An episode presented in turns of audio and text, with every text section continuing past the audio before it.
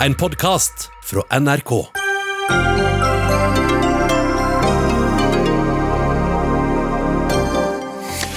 Bråket rundt Trøndelag Arbeiderparti er slettes ikke over. Lederen av valgkomiteen der sendte selv det han kaller en bekymringsmelding til ledelsen i dag.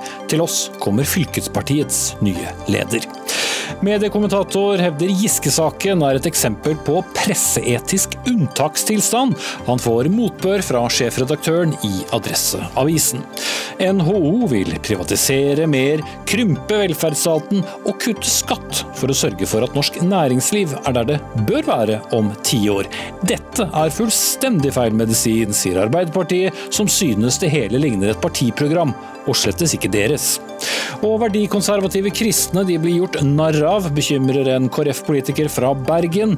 Men det er ikke de som er ofre, svarer en av hans idoler, artisten Doddo.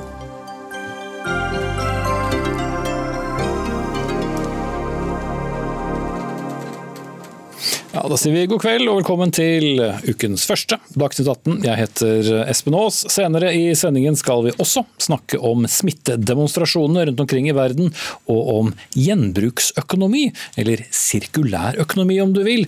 Og det er visst ikke vi særlig gode på her i landet. Men først. Til uh, tross for uh, en, uh, et angivelig varsel eller bekymringsmelding, så ble altså som kjent Ingrid Kjerkol ny leder av Arbeiderpartiets største fylkesparti, Trøndelag Arbeiderparti, i helgen. Men for en vei det ble dit. Og viktigst av alt, en rekke vitnesbyrd om ukultur blant menn og for kvinner. Og Ingrid Kjerkol, ut fra Ingvild heter jeg. Ja, hva, hva sa jeg? Ingrid, du verden.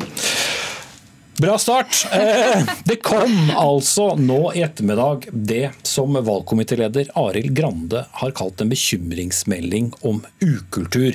Den samme Grande som eh, ikke mente du burde bli leder eh, i, helgen. Hvordan tolker du det som er kommet? Um, det jeg har registrert, er en Facebook-status fra Arild Grande.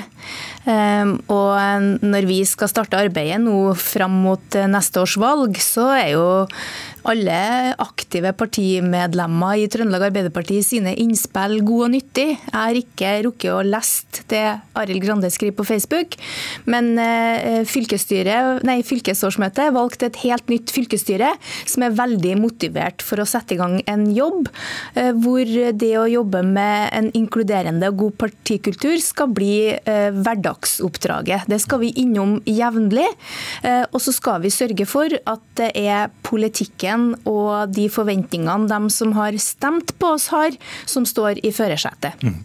Men ble du ikke såpass nysgjerrig om, da du hørte om denne meldingen at du ville lese det? Jeg leste et par linjer, og så tenkte jeg det, det her er jo en, egentlig en forlengelse av den diskusjonen vi hadde før helga. Og så tenker jeg at det tar vi med oss i det videre arbeidet.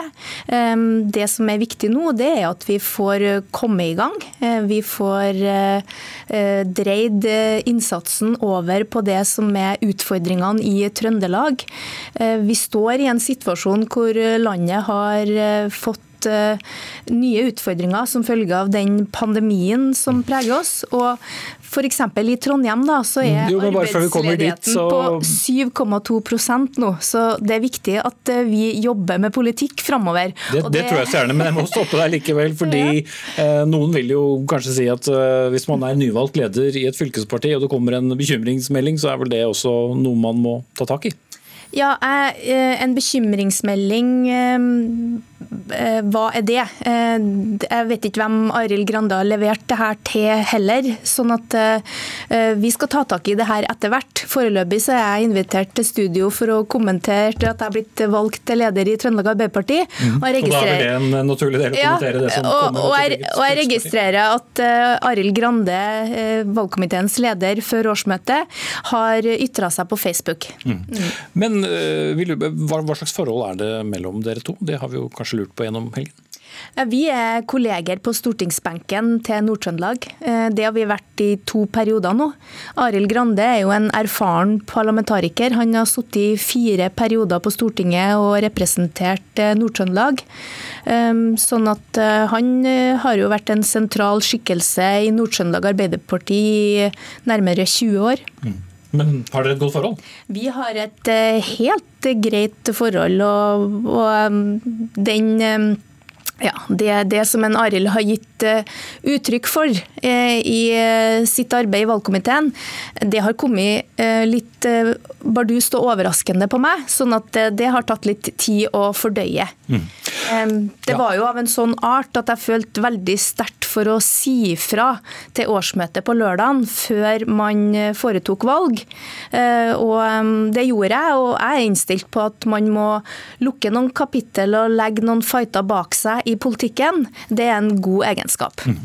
Eh, hvis du skal være din, din egen dommer, da, ut fra det, din egen måte å være på som Det er jo journalistene sin jobb, det, da. Men... Jo, jo, men nå gir jeg deg den sjenerøse ja. muligheten til å, å, være det selv. Mm. Ut fra ditt eget virke som politiker, ser du noen grunn til at noen burde være bekymret over at du blir øverste politiske leder i uh, Trøndelag Arbeiderparti? Nei, jeg ser ikke noen grunn til at noen skulle være bekymra for det. Jeg har stor arbeidskapasitet. Jeg har vært eh, folkevalgt og tillitsvalgt i Arbeiderpartiet siden 95. Jeg har levd et eh, transparent liv på Stjørdal. Eh, jeg har vært gjennom utallige valg- og nominasjonsprosesser. Jeg har vært ansatt i privat næringsliv, jeg har vært ansatt i offentlig sektor. Eh, hvis man ønsker en karakterbeskrivelse av Ingvild Kjerkol, så, så, så får du det, altså. Mm.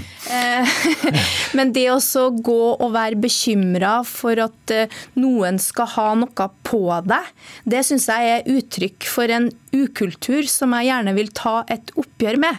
Mm. Halvkveda viser, det kan ingen forsvare seg mot.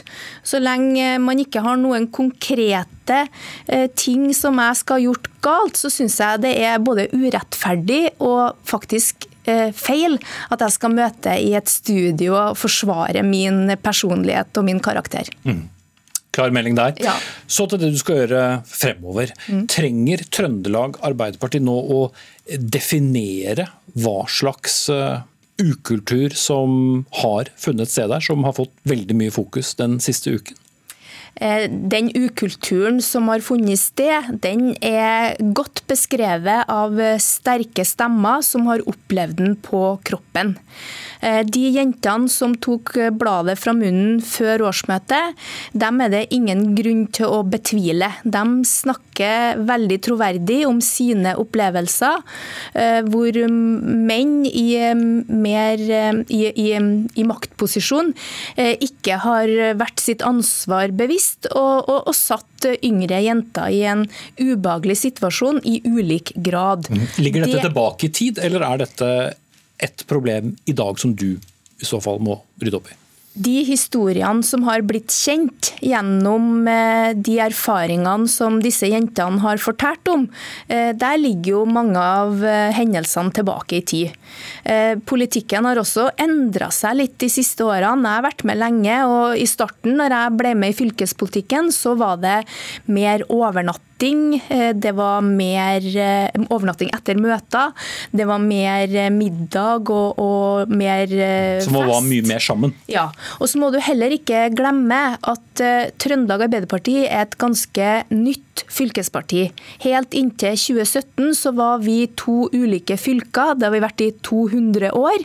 Vi har vært to ulike fylkesparti i over 100 år. Mm. Og forskjellig her, kultur? Ja, forskjellig kultur. Mm. Der jeg kommer fra i Nord-Trøndelag, så har det vært mer aldersspredning. Eh, jeg har opplevd en veldig trygg partikultur, hvor mine nærmeste kollegaer har vært menn som både har vært mye eldre enn meg, og også i maktposisjoner. Eh, og jeg har opplevd å blitt sett og gitt muligheter, og rett og slett fått lov til å vokse meg stor og sterk med mer ansvar underveis. Mm. Og Det er jo en kultur jeg ønsker for alle unge jenter i Arbeiderpartiet. Det er sånn det skal være. Og det er ikke noe vanskelig å oppføre seg bra. Det her skal vi få til. Hvorfor kom metoo så mye senere til Trøndelag? Er det mange som har spurt om. Har du et svar på det? Det var jo først nå at eh, Trond Giske var innstilt til et tillitsverv. Eh, det gjorde jo at mange først nå følte at det var noe å ta reelt stilling til. Nå valgte jo Trond Giske å trekke sitt kandidatur på fredag, men da var jo allerede valgkomiteen satt i arbeid igjen. Fordi at AUF sin representant i valgkomiteen og valgkomiteens leder Arild Grande sa at den innstillinga de hadde levert, den, den gjaldt ikke lenger. Mm. Men alle disse historiene er det jo så mange som har sagt jo, jo, men alle visste jo at det pågikk en del ting. Er det ikke derfor litt rart at dette oppgjøret, om du vil, som ikke bare handlet om, om Trond Giske, eh, men, men mange kom så sent? Ehm, det, det, det, kan man si i, i, dagens eh, lys. Eh, nå er det også viktig at man reflekterer over hvordan denne type hendelser oppstår. Det må forebygges, sånn at det ikke oppstår. Men når først noe har skjedd, så må det òg være en kultur for å håndtere det. Hadde man kunnet sagt fra og følt at det her eh, ikke var greit, så ville heller ikke ting eskalert. Det ville ikke blitt en eh, Trond Giske ville ikke blitt i så stor grad en mytisk skikkelse med mange historier på byen. Eh, man ville ha korrigert en atferd tidligere, så her må man bygge en kultur hvor det her rett og slett ikke er mulig. Å sitte med veldig mange klare, enkle svar i dette komplekset, det, det, tror jeg, det, tror jeg, er å undervurdere hva det her er slags fenomen.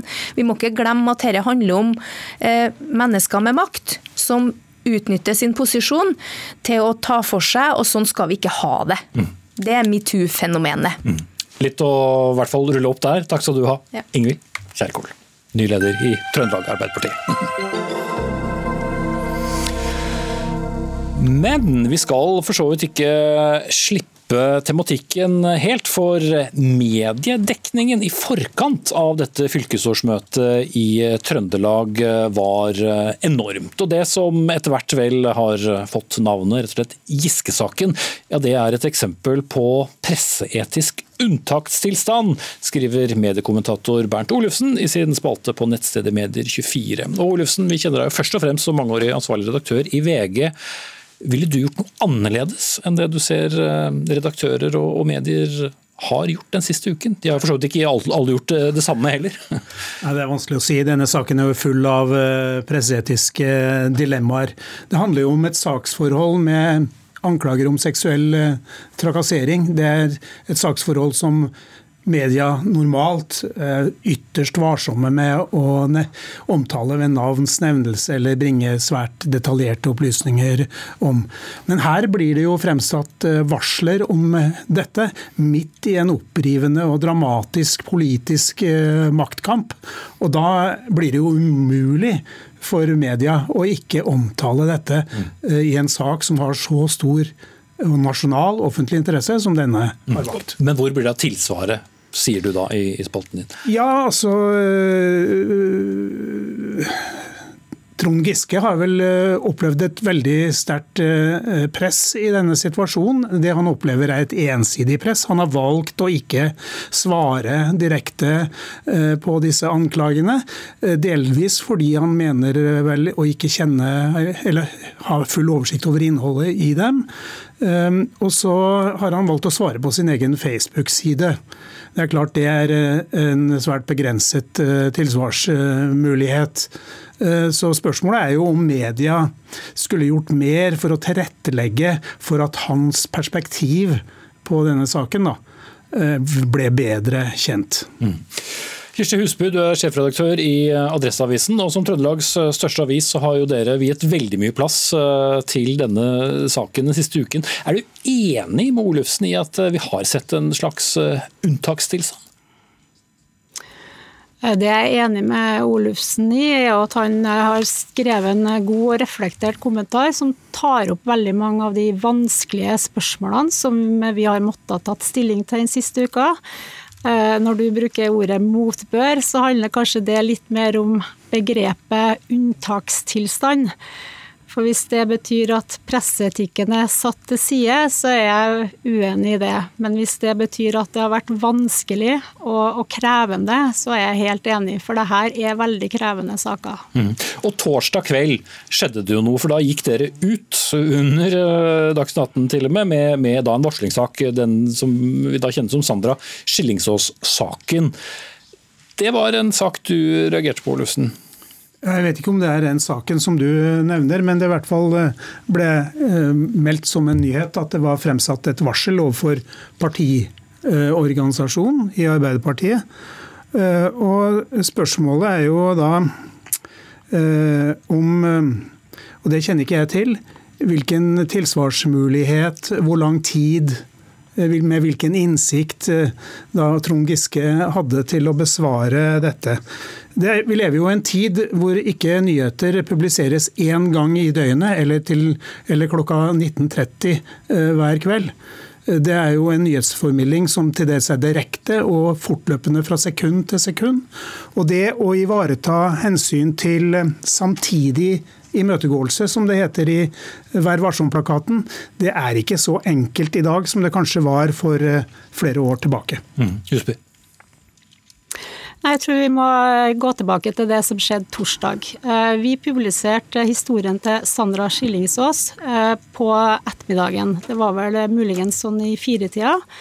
Der eh, hadde Trond Giske et, en fyldig imøtegåelse på den saken.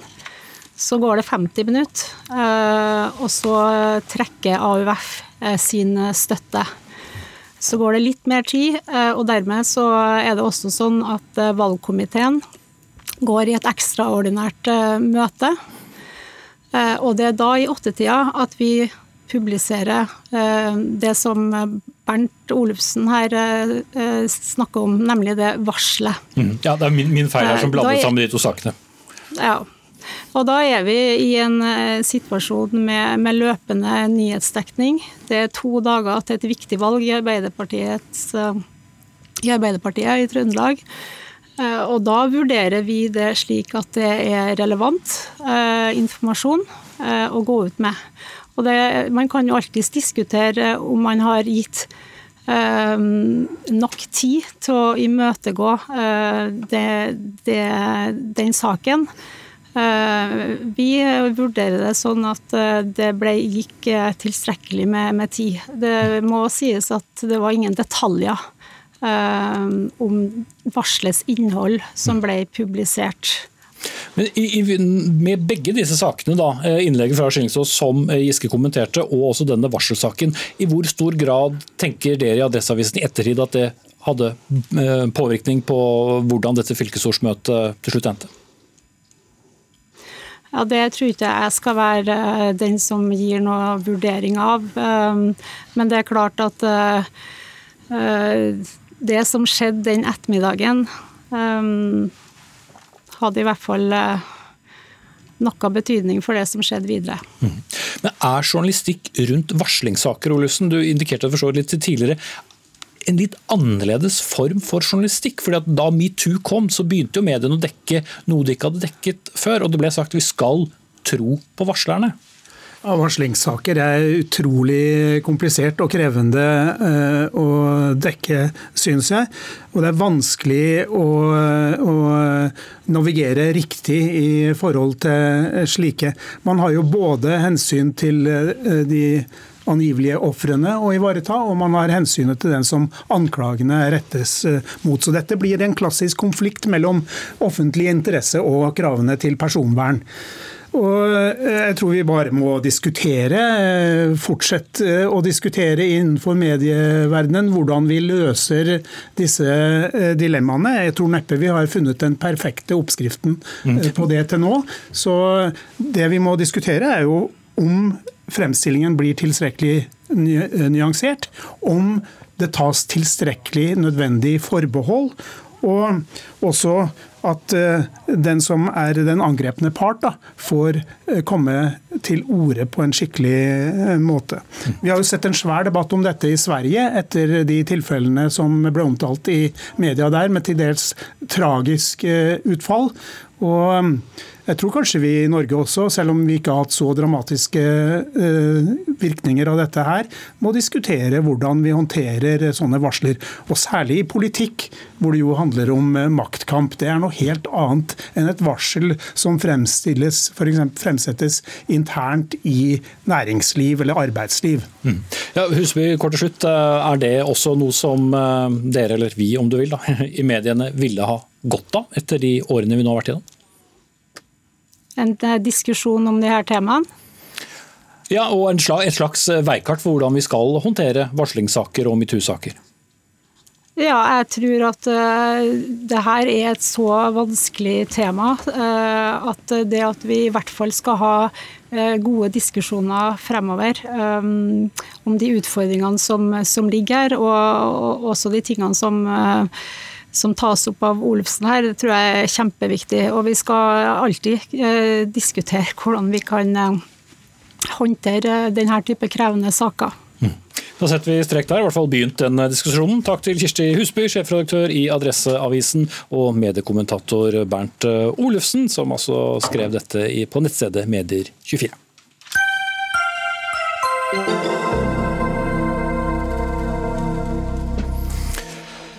Flere midlertidige ansettelser, mer privatisering og kutt i velferdsgodene. Ja, det er noe av medisinen til næringslivets eh, hovedorganisasjon, NHO, for å opprettholde velferden fremover. Da la organisasjonen frem det som den kaller sitt eh, veikart for fremtidig næringsliv. Eller partiprogrammet over alle partiprogrammer, som det også ble sagt. Og Mari Sundli Tveit, områdedirektør for politikk i NHO, som det heter.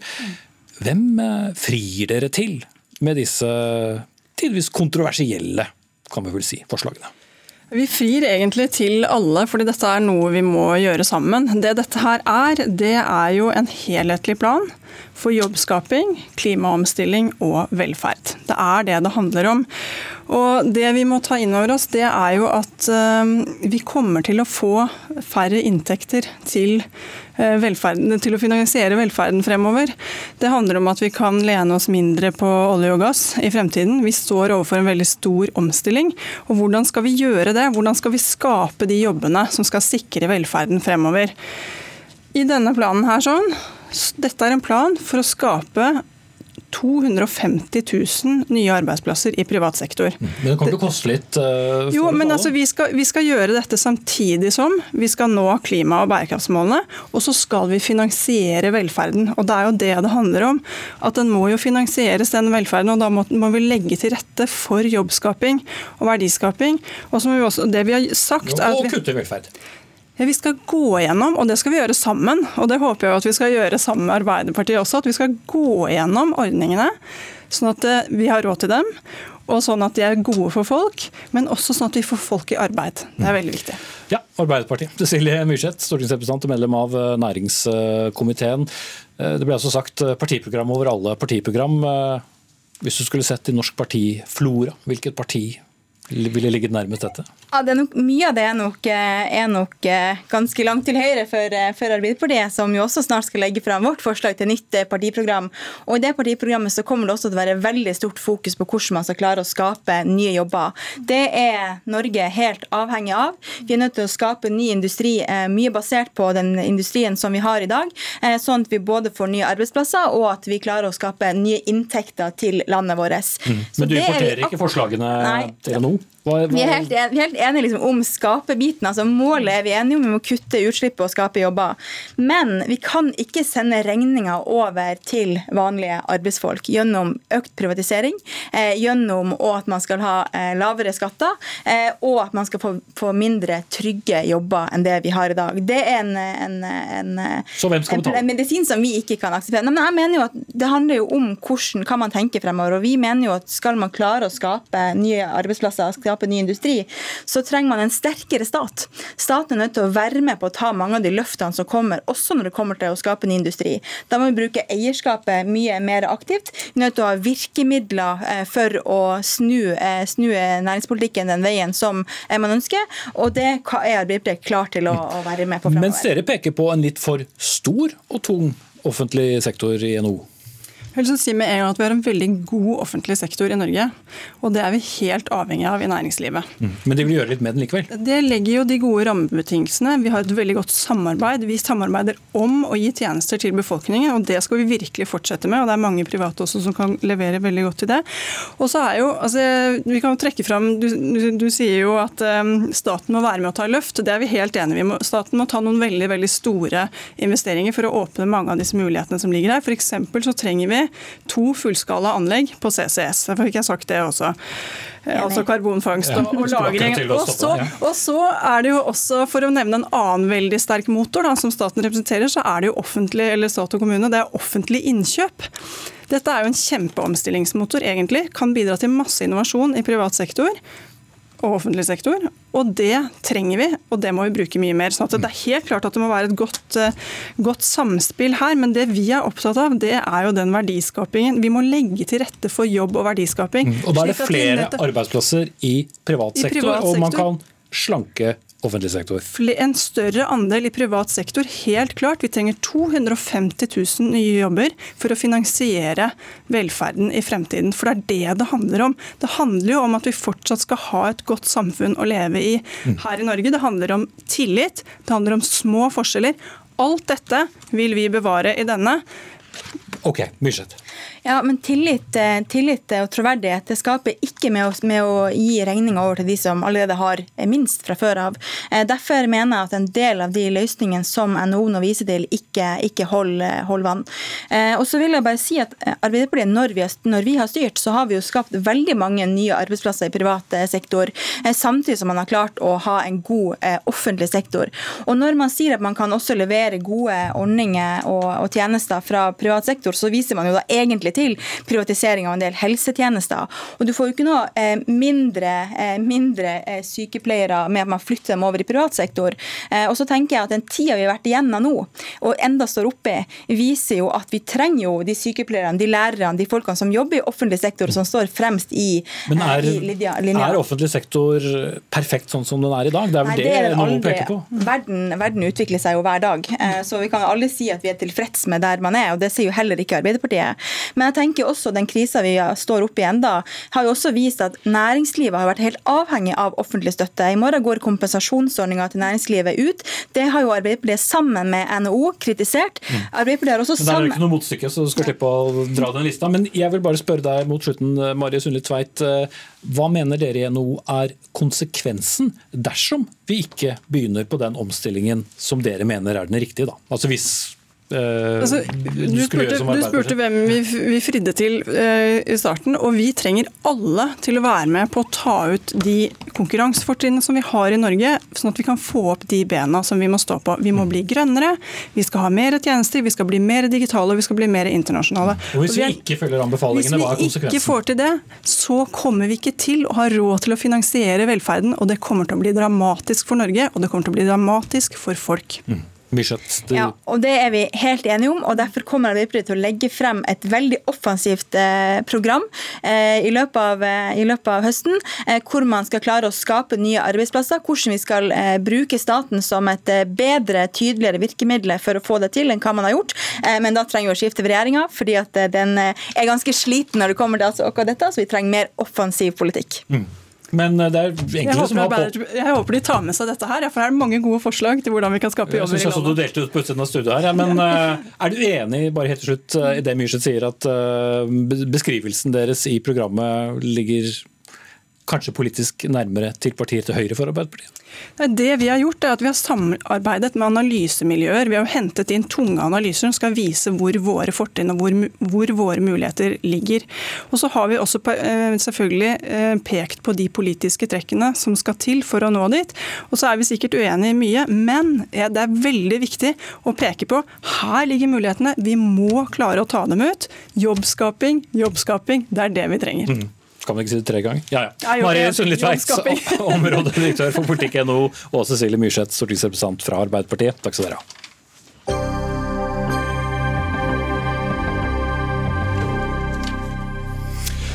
Senere i sendingen.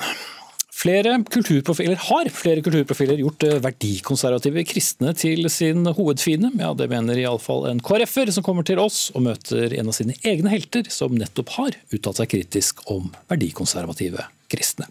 Nå skal vi vende øynene litt utover, for rundt om i Europa har folk protestert mot smitteverntiltak. Noen har kalt det hele for et maskeopprør, eller opprør da, f.eks. mot munnbind. I Berlin så vi i helgen 38 000 personer samle seg. Blant dem så vi vaksinemotstandere, det var eh, nynazister, det var Trump-tilhengere og Hare Krishna-dansere. Ganske sammensatt med andre ord, folk som vi ikke nødvendigvis alltid ser stå skulder til skulder. Politiet stanset etter hvert protestene fordi de ikke fulgte smittevernreglene, og europakorrespondent Roger Severin Bruland, du fulgte det hele. Hvor organisert fremsto det som? Det var jo for så vidt mange ytterpunkter eh, til stede her. Ja, det var det absolutt.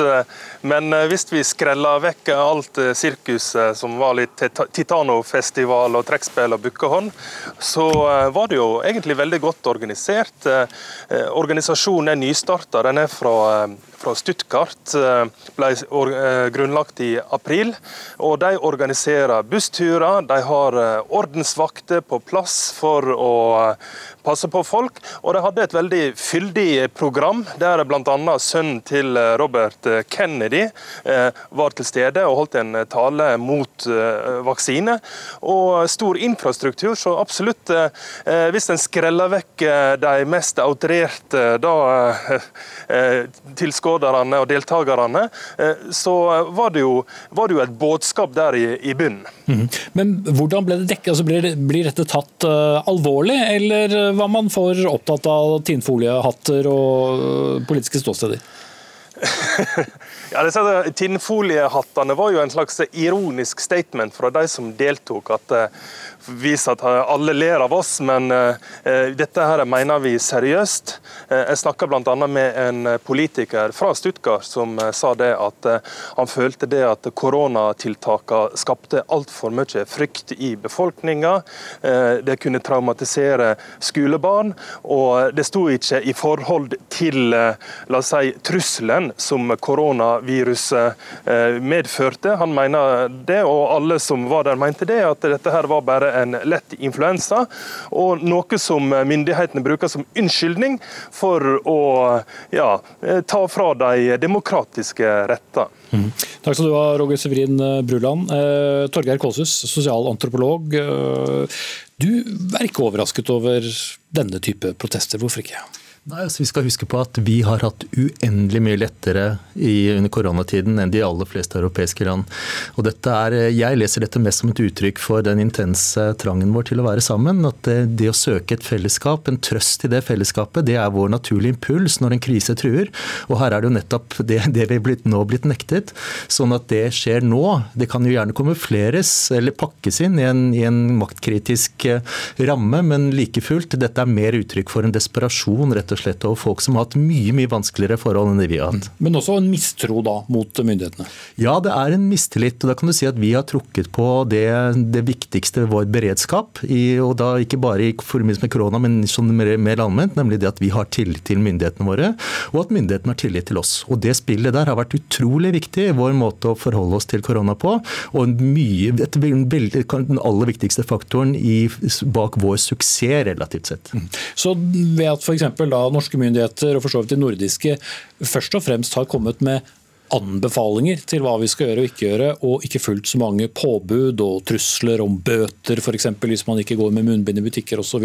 Har det gjort at vi i hvert fall så langt ikke har sett eh, så mange like tendenser her? Ja, det har gjort det. Og så har de også vært veldig flinke til en helt vesentlig ting, nemlig de har kommunisert usikkerhet og ikke vært skråsikre, og også sagt at de tok feil denne skjebnesvangre 12. mars-dagen, da, da, alvoret for eh, da for alvor senket seg over landet, så var de veldig tydelige på at vi har, vi vi har ikke tatt dette på alvor nok, men nå må dere lytte.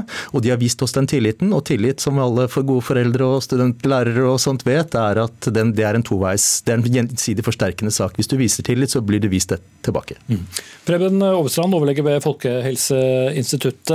Ja, mye åpenhet også om at det er uenighet eh, mellom eh, myndighetene. Har det vært eh, bevisst å være åpne på det? Ja, det har vært bevisst. Og i det hele tatt hele perioden så har vi ved Folkehelseinstituttet og andre helsemyndigheter forsøkt å være åpne om det vi vet og, og, det vi ikke vet, og det vi er enige om og, og det vi er uenige om.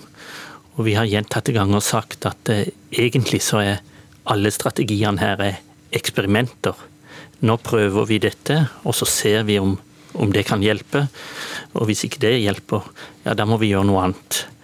Eh, så vi har prøvd å få med oss befolkninga på den samtalen og de vanskelige avveiningene det er mellom strenge tiltak og, og mer frihet.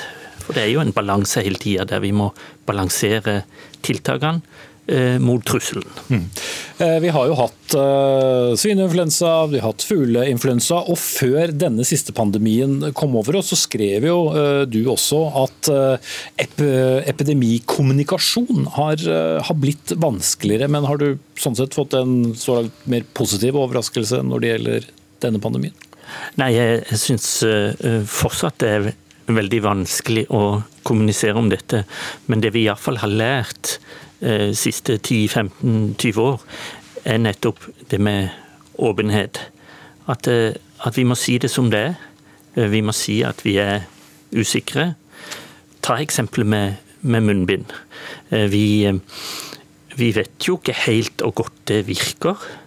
Men så forklarer vi at virkninga er nok ikke så god som det å holde avstand. Og et alternativ kunne være å be fem millioner nordmenn ta på seg munnbindet hver morgen og gå med det hele dagen.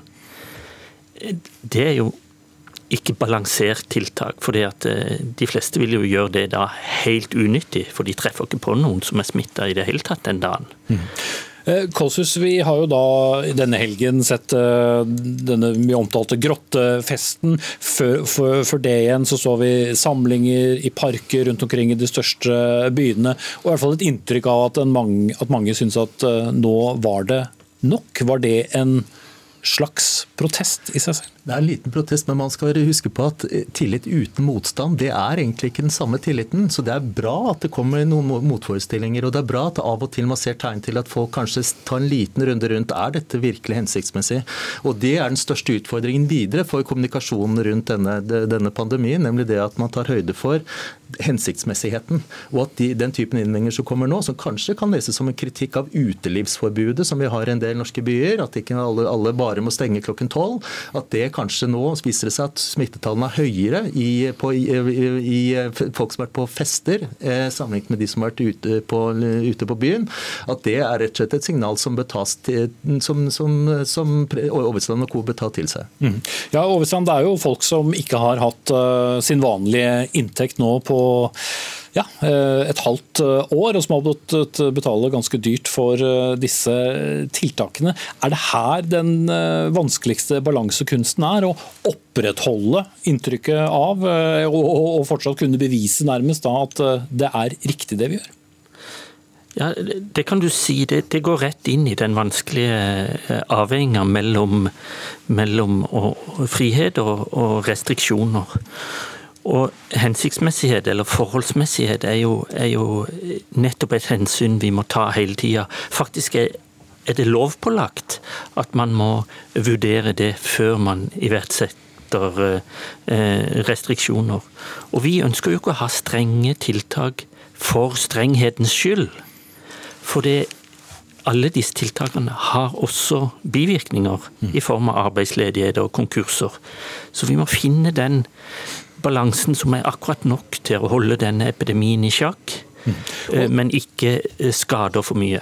Ja, Kalsus, Hva må da i så fall myndighetene gjøre for å opprettholde den tilliten? For vi, vi har jo ikke noen sluttdato her, og dette Nei. kan jo trekke ut hele neste år, for alt vi vet. De må fortsette å tilregneliggjøre oss, regne med oss. Vi, da spiller vi på lag. Det samspillet av tillit som er vist nå, har vært forbilledlig.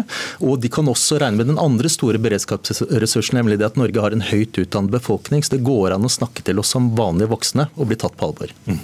Vi får se hvordan det tar vei. Takk skal du ha, Torgeir Kåshus, sosialantropolog, og takk til Preben Aavitsland, overlege ved Folkehelseinstituttet.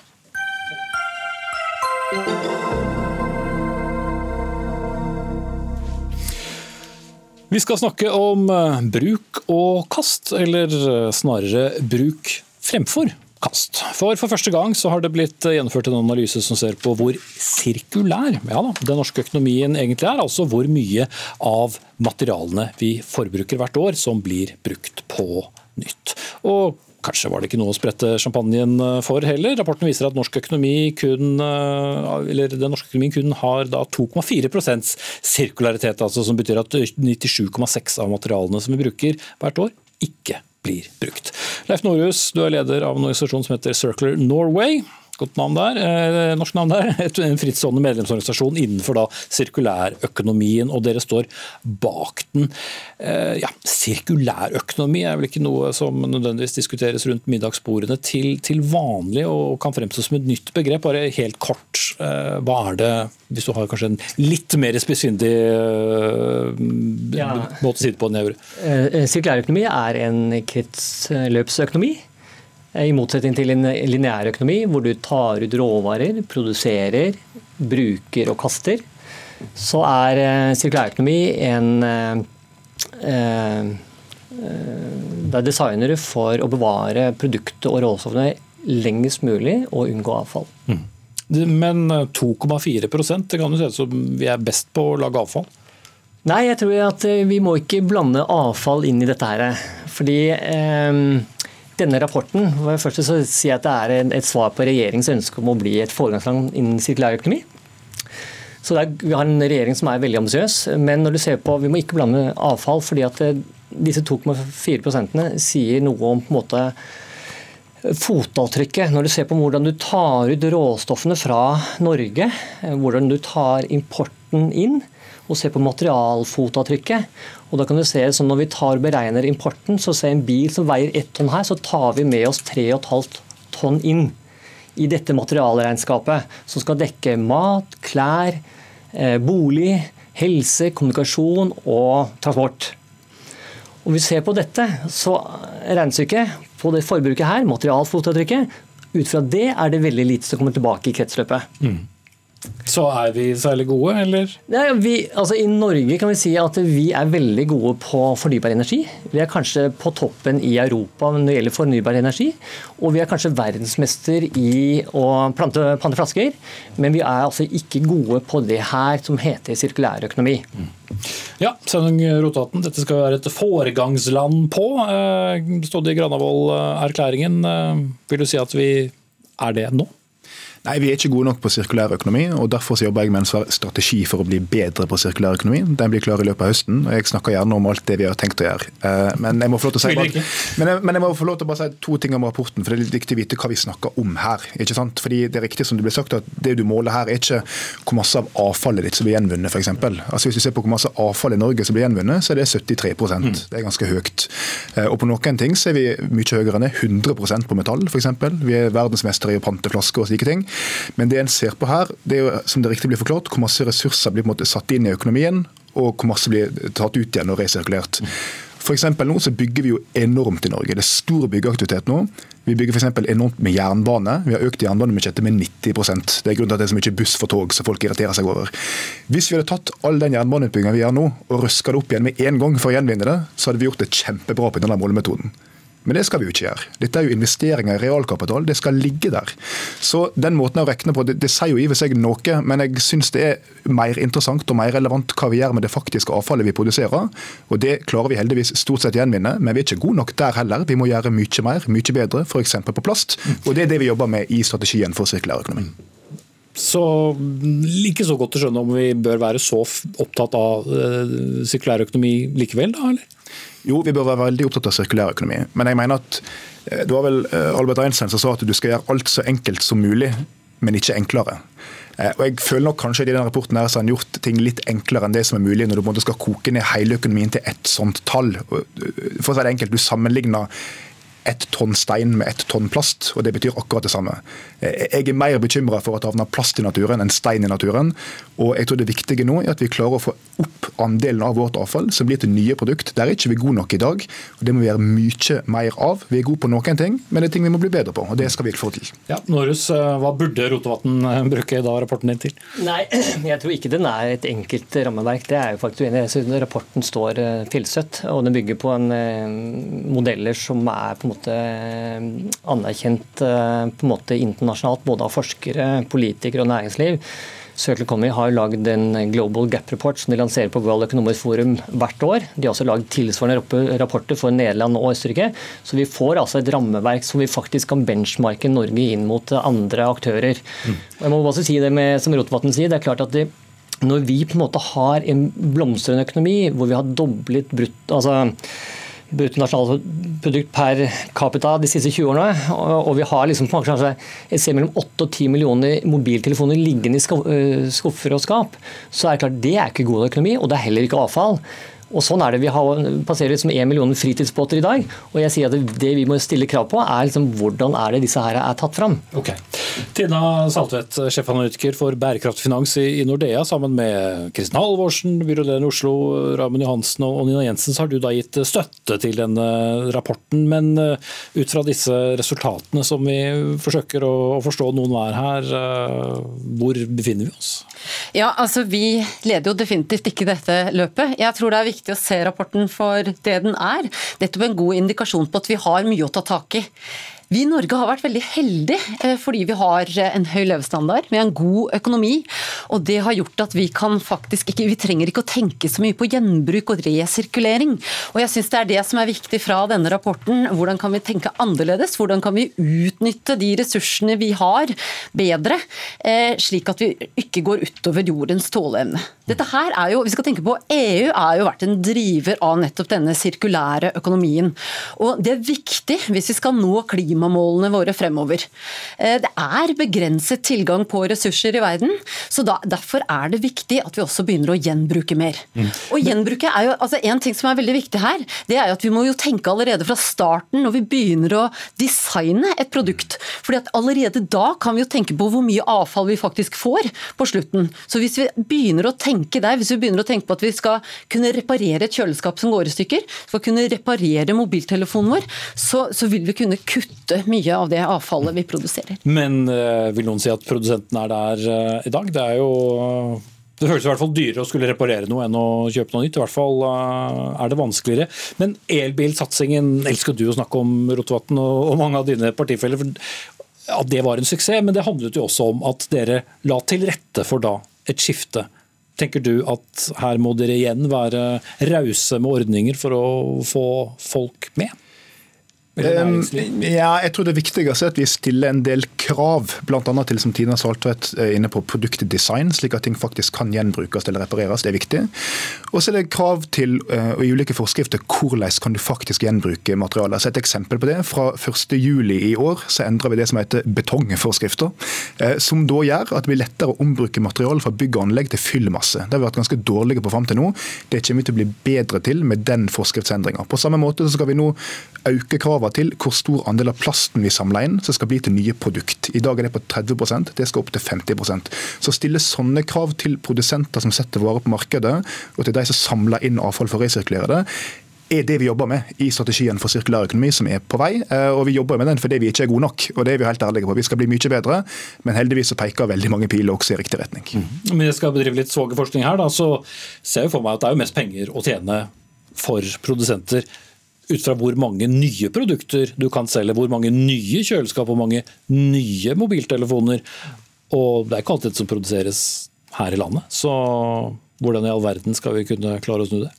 Jeg tror jo at vi egentlig ikke har betalt for alle de ødeleggelsene som vi har skapt gjennom vårt forbruk så langt. Og det er jo det vi begynner å se på nå. Det er skapt en del eksternaliteter, altså en del miljøødeleggelser, eh, påvirker klima. Og det har vært nesten gratis frem til nå. Eh, det ser vi. Den, det systemet fungerer ikke lenger.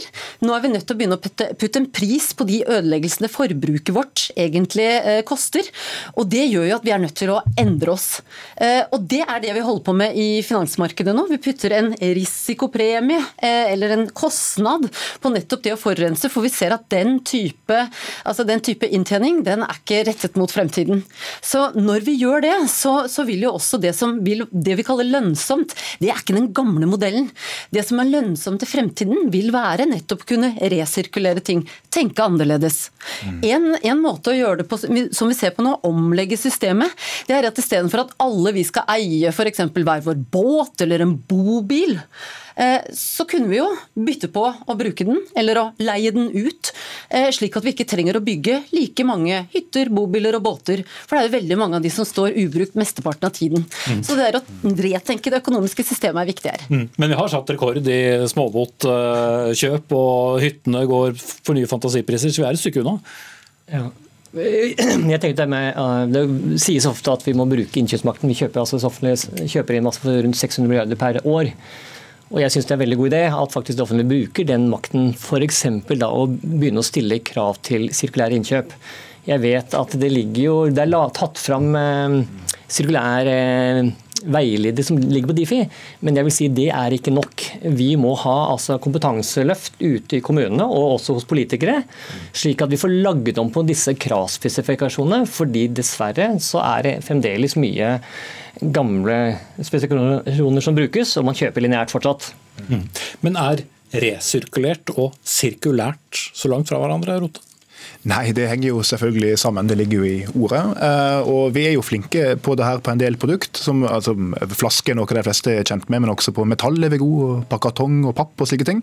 Og så er det en del ting vi er dårlige på. Eh, og jeg tror Særlig innenfor bygg og anlegg så er det et stort potensial. Jeg tror det er riktig som du sa, at I offentlige innkjøp så kan vi nok bli bedre på dette. Vi jobber med en handlingsplan for grønne offentlige innkjøp nå, så forhåpentligvis kan være med å løfte det området. Men du kommer nok hele tida tilbake til basics, som Tina Saltvedt her sier. og det er at Problemet er grunnleggende sett at på et globalt nivå så priser du ikke naturressurser høyt nok. Det er for billig å slippe ut CO2. Og så lenge det er for billig å slippe ut CO2, så vil det lønne seg mer å lage ny plast av olje enn å resirkulere plast. Og Derfor så må du hele tida ha det i blikket også øke prisene på det som er naturforurensende, slik at markedet blir tvunget til å ta i bruk og gjenbruke ressurser som allerede finnes. Mm. Med fare for å bedrive sirkelargumentasjon, så setter jeg strek. Takk til Sveinung Rotevatn, klima- og miljøminister fra Venstre, Leif Norhus, daglig leder i Circle Norway, og Tina Saltvedt, sjefanalytiker for bærekraftig finans i Nordea. Hør Dagsnytt 18 når du vil. Radio NRK Radio.nrk.no.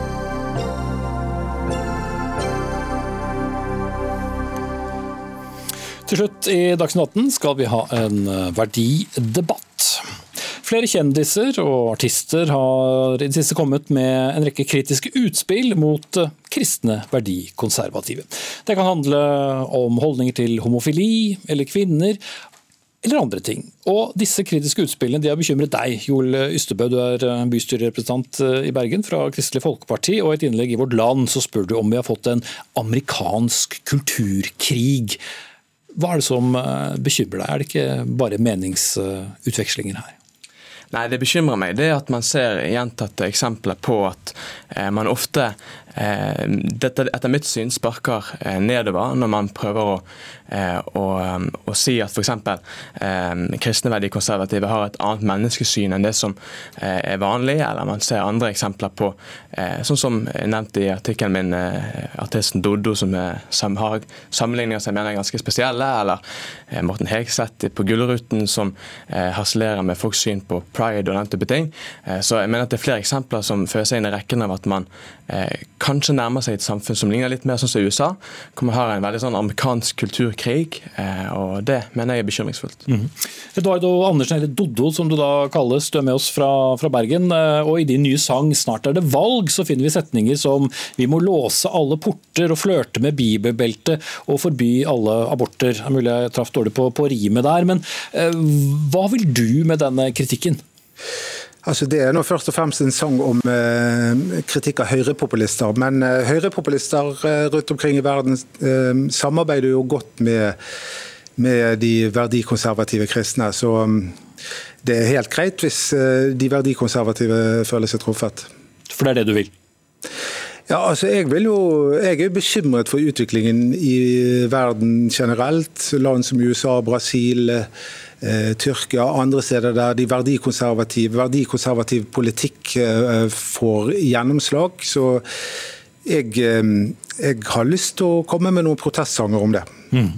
Men handler det ikke også om Ystebø, at en del verdikonservative kristne har da et mer konservativt syn kanskje enn da den gjengse nordmann og nordkvinne, og at dette blir da påpekt gjennom f.eks. sanger eller humor eller eh, hva det er. Det ikke bare det noe dere må tåle? Absolutt, og det, tror jeg, det synes jeg er helt fair. og jeg tror Det er veldig, noe som veldig mange kristne verdikonservative absolutt tåler. og Det er jo ikke isolert sett et samfunnsproblem at artister som Doddo eh, ironiserer over verdikonservative. Eh, men det som jeg mener at vi skal stille spørsmål om, det er jo hvilket samfunn er det vi ønsker oss med tanke på debatten. og jeg tror jo at Det har vært en god ting ved det norske samfunnet at vi har ulike syn på viktige verdispørsmål, og at vi har ulik bakgrunn og, og ulik utgangspunkt for det ståstedet. Da tenker jeg at eh, Det som man her da gjør, f.eks. med personuthenging, som jeg nevner i den artikkelen min i Vårt Land, men også sånn som sammenligning med f.eks. høyreekstreme, pedofile og verdikonservative, nettopp er giftig for en sånn eh, god debatt som det potensielt kan være. Mm. Det er ikke alle som kjenner alle tekstene her, men eh, den siste var jo da også til deg, da, Dono Andersen.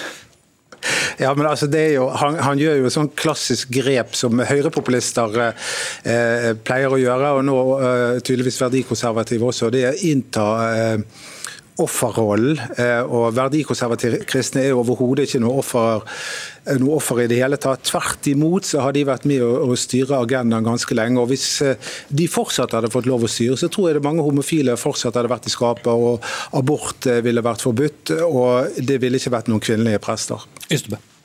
Eh, nei, jeg mener at det ikke er sånn. Eh, altså, historien er jo for full av eksempler på og jeg mener at Prøver ikke å gjøre kristne til noe offer, på ingen måte, men historien er jo full av eksempler på kulturpersonligheter for eksempel, som virkelig har tatt modige standpunkt når det kommer til eh, atomvåpen, apartheid, maktmisbruk, den type ting.